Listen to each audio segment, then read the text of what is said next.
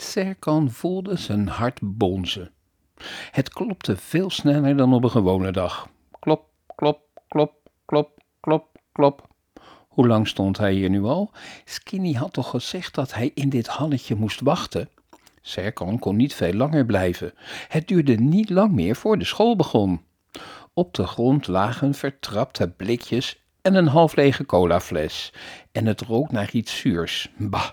Maar Serkan had besloten dat hij niet langer nee kon zeggen tegen Jessin.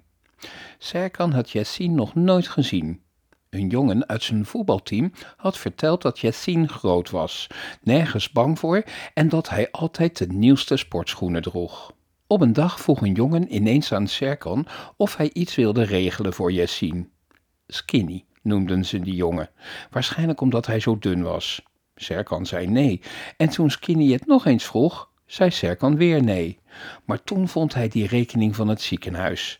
Er stonden heel wat moeilijke woorden in, zoals mammografie en echo en punctie. Serkan googelde het eerste woord. Een mammografie is een röntgenfoto van je borsten.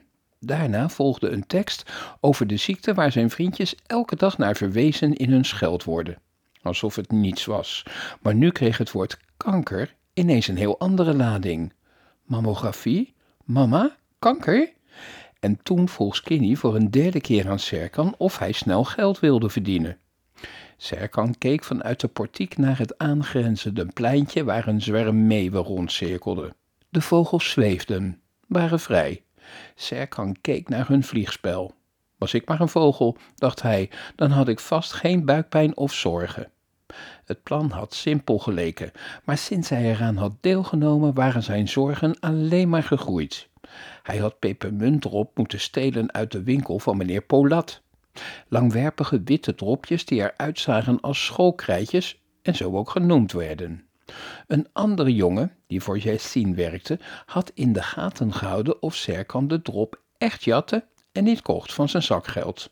Op die manier moest Serkan bewijzen dat hij lef had. Klusje 1. Binnenkort zou hij een pakje sigaretten voor ze moeten stelen, ook met muntsmaak. Klusje 2. Bij het derde klusje zou hij geld krijgen. Serkan wist nog niet om wat voor klusje het ging, maar Skinny had beloofd dat het hem 25 euro zou opbrengen. Een mooie bijdrage in mama's ziekenhuiskosten. Hoeveel klusjes zou Serkan nog moeten doen? Wanneer hij het volledige bedrag door 25 deelde, duizelde het hem. Papa werkte als conciërge en soms verdiende hij een centje bij in de fietsenwinkel van Serkans oom. Maar aan het einde van de maand ging Serkan altijd met zijn moeder naar de voedselbank voor eten en soms voor kleren. Serkan wist maar al te goed dat zijn ouders die rekening nooit zouden kunnen betalen. Serkan was de oudste thuis, dus als iemand moest bijspringen, dan was hij het wel. Maar ach, die goeie meneer Polat. Serkan kende de winkelier al sinds hij een kleuter was. De oude man stak hem vaak wat extra's toe, omdat hij wist dat ze het bij Serkan thuis niet breed hadden. En nu stond Serkan in de portiek met iets wat hij had meegenomen uit zijn winkel, zonder het te betalen of te krijgen. Hij had het gestolen van meneer Polat, die altijd aardig voor hem was. Met zijn mouw veegde Serkan zijn voorhoofd af. Hij had niet verwacht dat het stelen van een zak drop zo rottig zou voelen. Hoe zou hij dan later die sigaretten kunnen jatten? Ze lagen achter de toonbank in een kast die op slot zat en alleen meneer Polat had de sleutel. Serkans trui plakte aan zijn rug, klam van het zweet. Hij was het die natuurlijk zuur rook. Was het maar een doodgewone dag, zuchtte Serkan, en was mama maar niet ziek.